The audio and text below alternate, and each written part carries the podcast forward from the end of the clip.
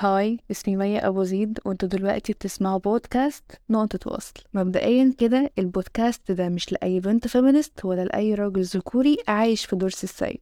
إحنا اللي ما بين رضوى الشربيني وما بين ياسمين عز.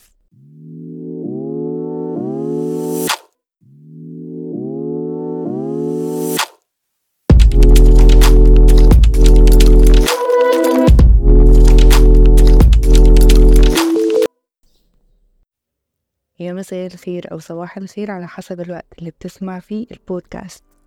موضوع حلقتنا النهاردة عن الرضا. الوصول للرضا غاية بنسعى كلنا للوصول ليها باعتبارها بوابة السعادة الحقيقية وكمان واحدة من أهم أركان التوازن النفسي. الأيام دي ال social media ظهرت لينا حياة ناس اسمهم ال bloggers.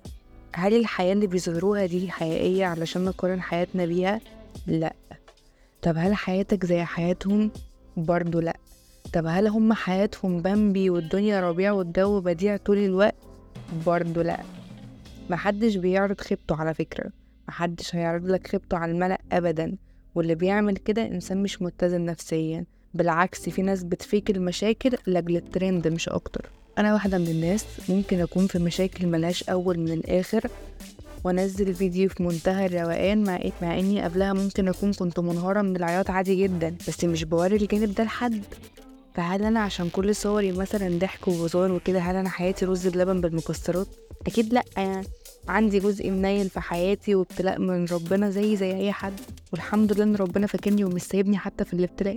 فعمر ما حد فينا كانت حياته ورد ولا عمر حد فينا كان بينام يصحى طول عمره على الهدوء والحياة المستقرة والهدوء النفسي والسلام النفسي وكل الحاجات دي. كلنا حياتنا زي ما اتفقنا إن إحنا حياتنا ups and down.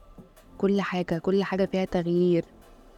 كل حاجة بتتغير وبتخلص. السعادة مش هتخلص أكيد بيجي لها وقت وبتخلص وبيجي لها وقت وبتتجدد. ربنا ادانا كلنا كل واحد فينا أربعة وعشرين قيراط متوزعين. كلنا أخدنا الأربعة وعشرين. بس بنسب مختلفة في أشياء مختلفة. انت مثلا عندك كتكوت أنا ما عنديش. أنا بخرج براحتي. انت رجلك مكسورة مش عارفة تخرجي من البيت.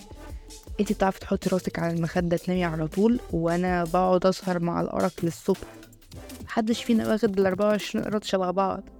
وهي ماشية وكل واحد فينا عنده بلوى في حياته وشيلة كبيرة ربنا وحده الأعلم بيها.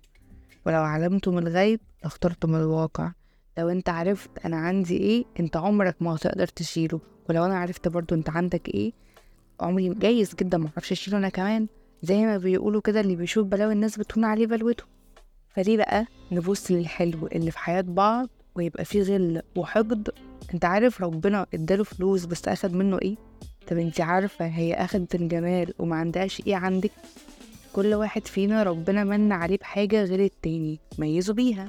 فتسيب انت بقى الحلو اللي فيك وتبص في ورقة غيرك. عامل زي اللي معاه موزة وتفاحة وغيرك في إيده منجاية كبيرة. سايب الرزق اللي في إيدك وعينك راشقة في المنجاية اللي في إيد غيرك. يا أخي ما أنت معاك تفاح وموز اتهد بقى مش لازم ما حبكتش على المنجاية دي. الشعر بتاعها هيقف في سنانك هيعورك. أكيد المنجاية دي مش معاك لسبب. أكيد. أكيد في حكمة إن أنت يبقى معاك موز وتفاح وغيرك معاه المنجاية وأكيد غيرك برضه حكمة إن هو معاه المنجاية ومعهوش موز وتفاح. كل حاجة في الدنيا ليها سبب. طب ندخل بقى على إخواتنا المتجوزين. أنتوا عارفين ان معظم حالات الطلاق بتكون سببها عدم الرضا؟ إحنا ما بنقولش ارضى بالمعدوم ولا ولا ارضى باللي مش موجود ولا ارضى بالذل والإهانة والمرمطة وقلة القيمة والكرامة. أنا بتكلم عن حاجات تانية خالص زي صاحبتي جوزها شعره أصفر وأنت شعرك أسود ليه؟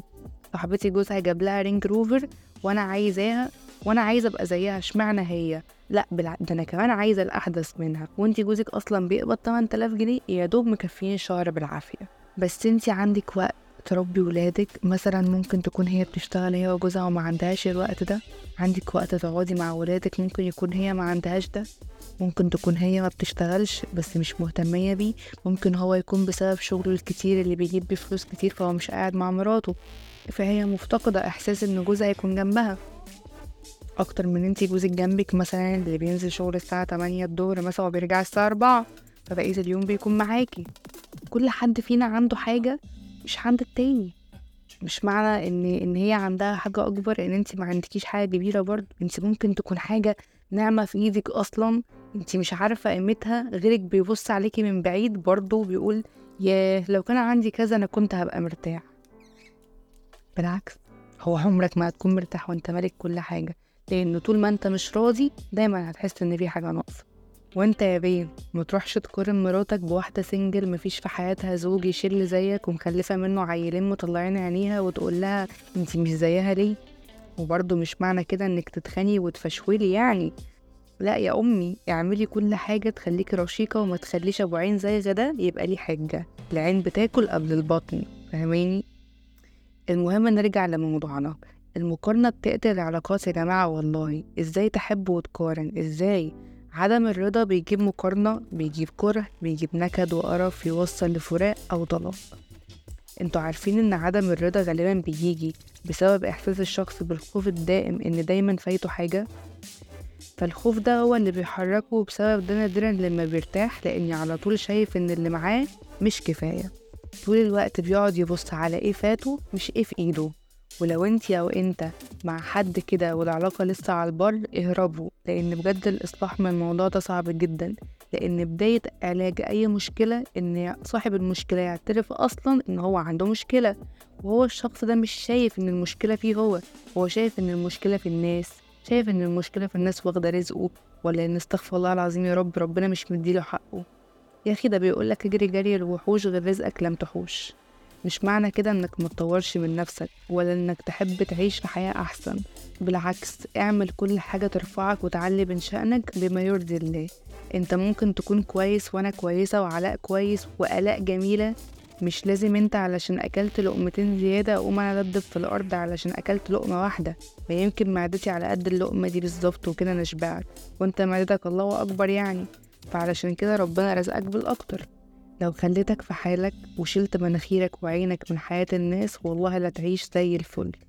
بص لنفسك ولبيتك وأهل بيتك بعين الرضا وحسن من أي حاجة شايفها غلط قدامك. مش عيب تشوف حاجة حلوة عند حد غيرك بيعملها وأنت في إيدك تعمل زيه وتعملها. قول اللهم بارك وأعملها بنية التحسين للأحسن لا بنية بقى الغيرة ولا بنية الحقد ولا بنية إنك عايز تبقى عايز زيه وخلاص ولا حتى بنية إنك تكون أحسن منه. حاجة كمان بقى بتفرسني قوي في النموذج بتاع كل ما تدخل تقوله صباح الخير يقولك ادعيلي والله.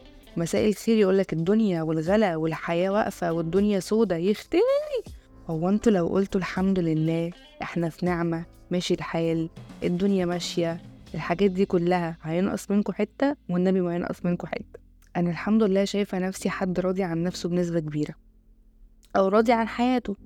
ومع ذلك لما بزعل من حرمان ربنا ليا من حاجة معينة وأنا لسه مش عارفة إيه هي حكمتها غالبا ربنا بيبعت لي حد محروم من حاجة أكبر مني بكتير. والله بتكسف من نفسي لما بشوف. اللي هو أنا زعلانة على إيه؟ أنا لا أنا الحمد لله. أنا في نعمة كبيرة قوي وعندي حاجات كتير قوي جايز مش موجودة ومش متوفرة لحد تاني. فالحمد لله الحمد لله دايما وأبدا. احمد ربنا ربنا هيزيدك. حاجة أخيرة بقى للمتجوزين. بص لجوزك بعين الرضا وبلاش مقارنة بلاش مقارنة بلاش مقارنة. إحنا مليانين عيوب. انت نفسك مش ملاك. والله ربنا بيرزق كل واحدة بعيب الراجل اللي تقدر تستحمله.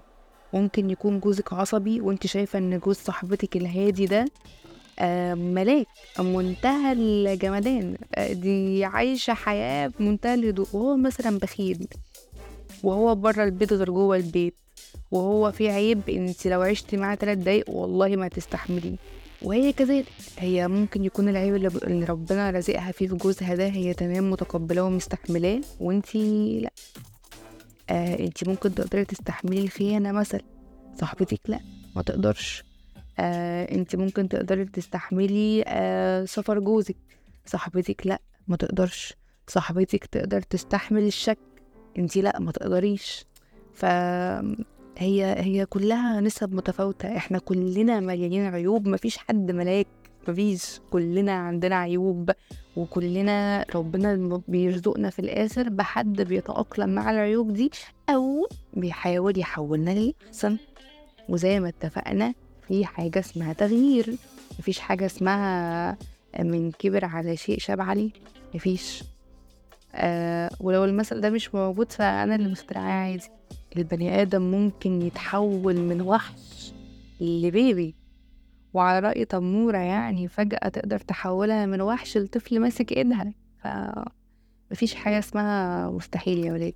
ابنك على ما تربي وجوزك على ما تعوديه فوالله يا مستمعيني الكرام البيوت مقفولة على بلاوي ومفيش حد حياته مثالية. بس الحتة الناقصة دي لو كملت بالرضا ساعتها بس هتكون مبسوط.